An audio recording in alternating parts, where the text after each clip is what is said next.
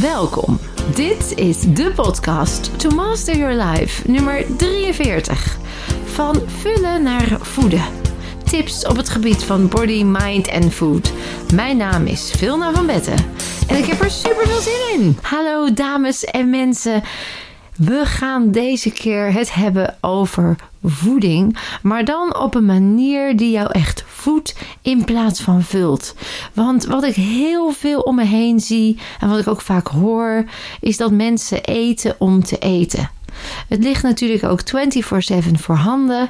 Het is makkelijk om snel even iets te pakken en dan in je mond te stoppen, terwijl je misschien er helemaal geen behoefte aan hebt, maar meer uit gewoonte.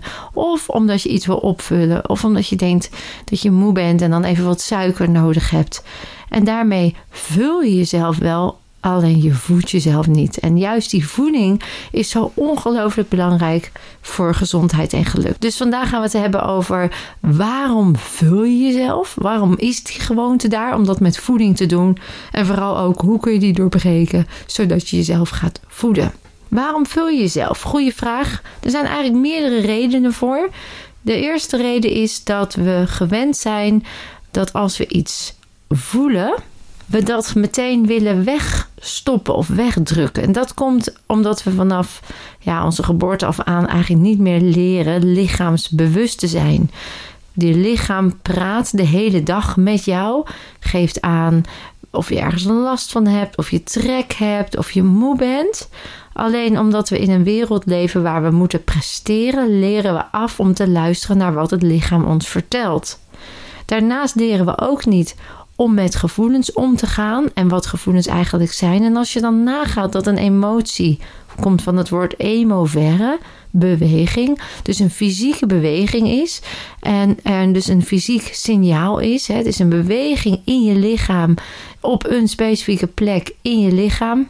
Als je dat niet kan duiden, maar je wil wel van het gevoel af, ja, dan is het natuurlijk handig om die emotie, die beweging, weg te eten. En dat noemen we dan emotie eten. Dus op het moment dat je iets voelt, maar je kunt het niet herkennen, erkennen en er naar handelen, die intelligentie is namelijk niet ontwikkeld, ja, dan is het eigenlijk heel logisch dat je iets doet wat je 24/7 voorhanden hebt. En dat is het weg eten met voeding. Dus het is letterlijk ook het vullen in plaats van het voeden om de emotie niet te hoeven voelen.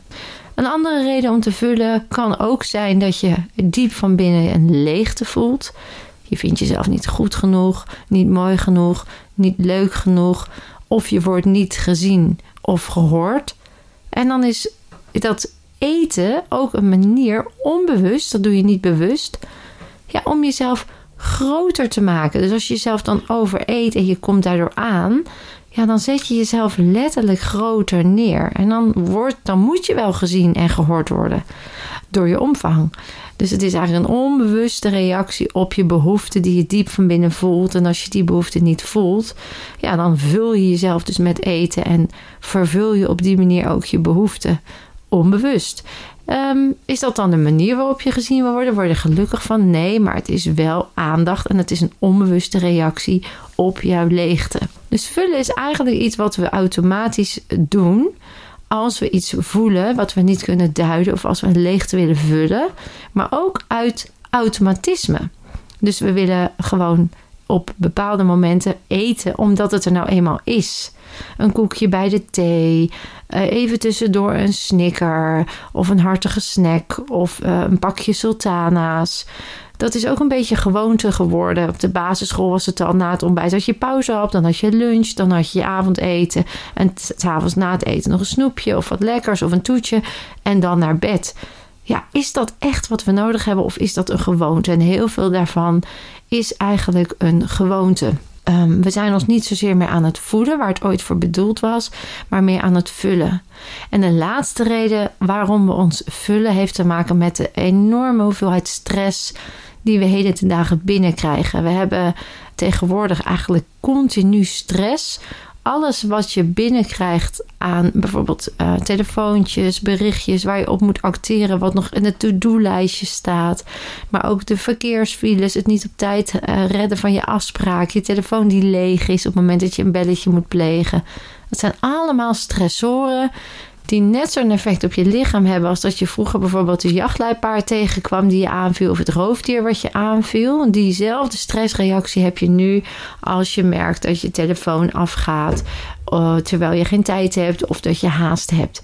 Je lichaam maakt dezelfde reactie aan. Nou, in de oertijd, als er stress was en je overlevingskans kleiner, dan ging je ook vanzelfsprekend meer eten, omdat je wist, het kan dus zijn dat er de komende dagen geen eten is. Het was niet vanzelfsprekend dat er altijd overal eten was, zoals bij ons in de supermarkt. Dus dan ging je jezelf bevoorraden. En dat heet ook wel craving. En craving is dat je behoefte krijgt aan vet, zout en zoet. En die behoefte, die, werd, die vervulde je dan door extra veel van vetten te eten of zoet. En dan wist je, dan kan ik de komende dagen er weer ja, mee door. Terwijl nu, wat wij dan doen, is eigenlijk dezelfde reactie op stress. We gaan craving, dus we willen vet, zout en zoet. Alleen de producten die daarvoor nu in de schappen liggen, die zijn ongelooflijk ongezond en dikmakend voor je lichaam. Dus het heeft een totaal ander effect als dat het nodig is. Het vult het wel. Het geeft ook het gevoel van even lekker feel good. Want die producten met die geraffineerde suikers en de E-stoffen en de bewerkte producten, daar stoppen ze vaak ook stofjes in, waardoor je er meer van wil, waardoor jij je lekker voelt. Alleen voor gezondheid, voor je gezondheid is het absoluut niet bevorderend. Als je vroeger een gezonde avocado had als een vet, waardoor je weer voorraad had, dan had je gewoon je bloedsuikerspiegel bleef stabiel en je kon gewoon weer op die voorraad verder. Maar als je nu een bitterbal eet of een frikandel of een patatje en die vetten die neem je mee, ja, daar, dat doet een enorme aanslag op je lichaam. Je bloedsuikerspiegel wordt instabiel, je hormoonhuishouding gaat door de war. Kortom, je krijgt uh, pieken, je krijgt dalen, je organen worden overbelast, met op den duur alle gevolgen van dien, zowel mentaal als fysiek. Dus het vullen wat we doen komt mijns inziens vooral omdat we ons lichaamsbewustzijn hebben afgeleerd. En ik wil jullie eigenlijk nu wat tips mee gaan geven hoe je dat lichaamsbewustzijn weer kunt vergroten en daarmee kunt gaan eten naar behoefte, veel meer dan omdat het zo hoort, moet of uit gewoonte. En dat begint al met jezelf af te vragen: eerst je doel voor ogen te stellen en te zeggen: waar, hoe wil ik fysiek en qua gezondheid en geluk terugkijken op mijn leven? Heb ik daarin de regie gepakt? Heb ik me daarin verantwoordelijk gevoeld? Ben ik lief genoeg geweest voor mezelf om goed voor mezelf te zorgen? En ik kan jullie uit eigen ervaring vertellen dat het moment dat ik in mijn leven echt van mezelf ben gaan houden, ik ook echt veel minder de behoefte had om mezelf vol te stoppen met dingen die niet goed zijn voor mijn lichaam. Die behoefte is ook echt verdwenen. En een tweede bijkomstig voordeel was dat doordat ik minder suiker tot me nam, geraffineerde suikers, die suikerverslaving ook verdween, mijn hormonen veel stabieler werden, ik veel stabieler werd, gezonder ook qua gewicht, in balans. Maar ook dat ik dus geen suikerverslaving meer had. En als ik nu bijvoorbeeld uh, sinaas of cola een slokje neem, dat ik echt helemaal ervan griezel, omdat ik het gewoon zo ongelooflijk zoet vind. Ik ben het namelijk niet meer gewend en die behoefte is ook echt weg. Wat doet suiker nou? Die geraffineerde suiker, die geeft je eigenlijk een instant feel good. Eigenlijk vul je jezelf met het voelt als liefde, hè? Een, een troost. Terwijl als je dat dus ontwendt en je vult jezelf met echte liefde, ja, dan zul je zien dat dat helemaal niet meer nodig is en dat die hele verslaving en gewenning verdwijnt. Dus heb jezelf lief. Zeg iedere dag tegen jezelf als je in de spiegel kijkt hoe mooi je bent, waar je trots op bent. Benadruk je kwaliteiten en zeg dat je het belangrijk vindt dat je goed voor jezelf zorgt. Als je die affirmaties opzegt terwijl je handen en je voeten kruist en je beweegt met je ogen bovenin heen en weer, terwijl je hoofd stil houdt, dan integreer je de affirmaties nog eens wat sterker. Overigens zijn er nog een aantal podcasts met affirmaties die je hiervoor kunt gebruiken om, dat, om zelfliefde in jezelf te versterken. Lichaamsbewustzijn kun je doen door ja, dingen mindful te doen. Dat kan eten zijn. Hè. Is ditgene wat ik eet nu waar ik behoefte aan heb? Is het ook wat ik nodig heb? En als je het in je mond neemt, ja, neem echt de tijd om het te proeven. Dus ga niet ondertussen op je telefoon of de krant lezen of televisie kijken. Maar wees echt even bewust van de voeding die je tot je neemt. En daarmee uh, activeer je specifieke enzymen al in het mondgebied tijdens het kauwen. Die zorgen dat de voedingswaarden sterker worden opgenomen. Dus wees bewust, mindful als je eet, wat je eet. Tweede stap is, een tweede tip is dat je zorgt dat je eerst stopt, dan denkt en dan pas doet voordat je iets tot je wil nemen. Stel je zit uh, een paar uur achter je computer te werken, je hebt een beetje een dipje. Nou, de neiging is dan om dan iets zoets te eten, om die suikerspiegel omhoog te krijgen. En stel jezelf dan de vraag: is nu die snicker of dat koekje of dat zoete voor mij goed? Gaat dat mij ook helpen? En is dat ook echt wat ik wil? Want wat we ook kunnen doen, is bijvoorbeeld daarvoor in de plaats een paar keer een kniehef. Of even rekken en strekken. Of even een paar keer diep ademhalen.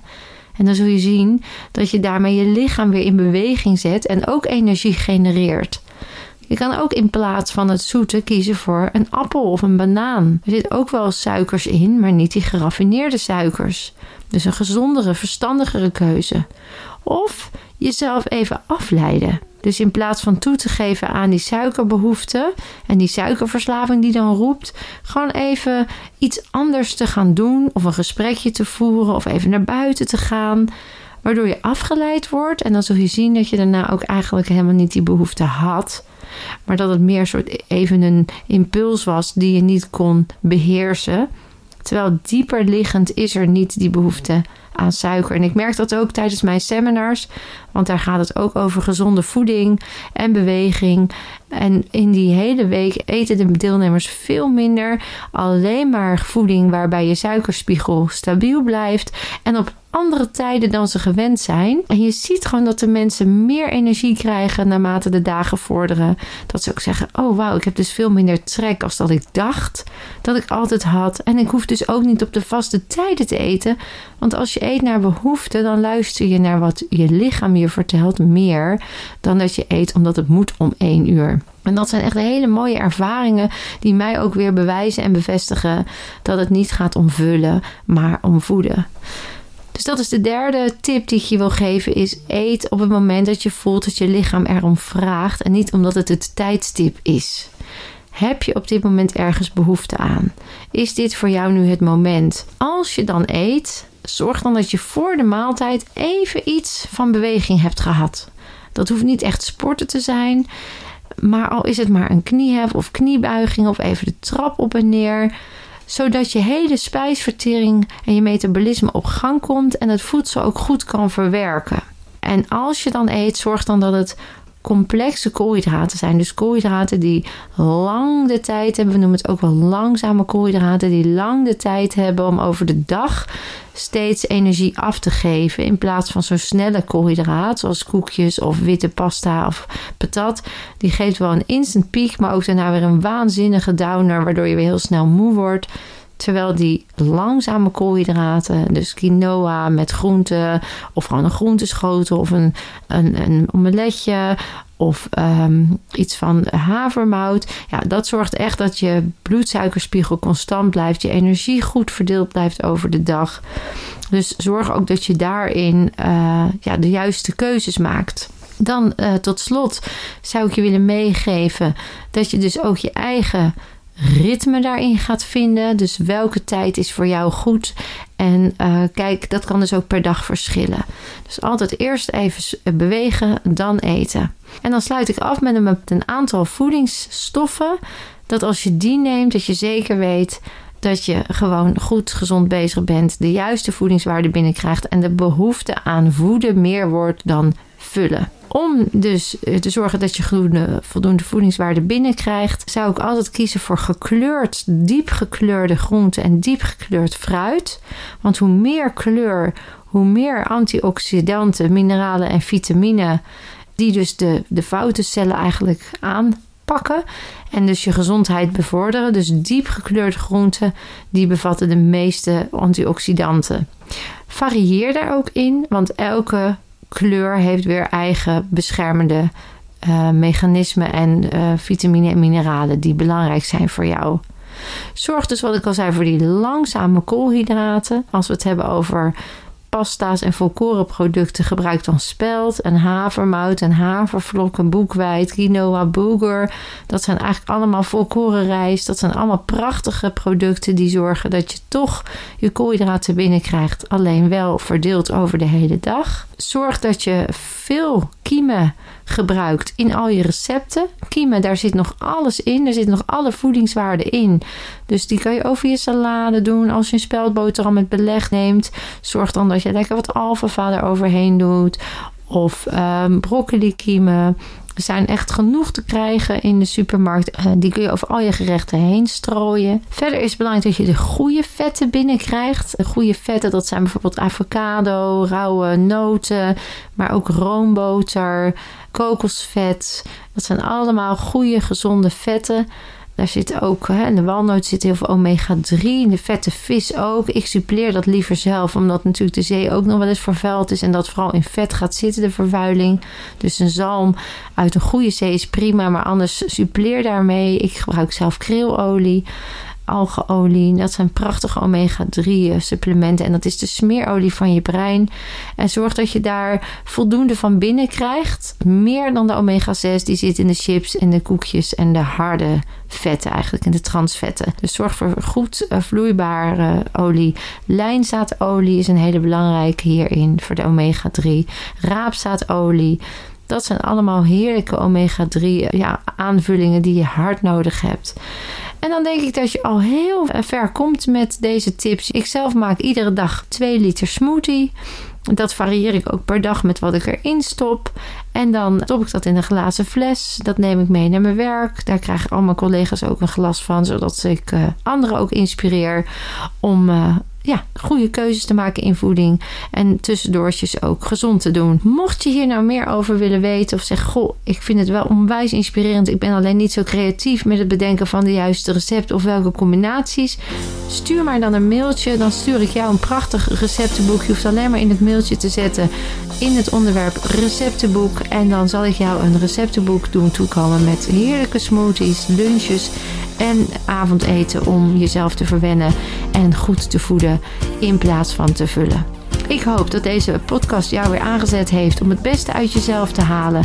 Met voeding in dit geval. En je weet het, je kunt meer dan je denkt.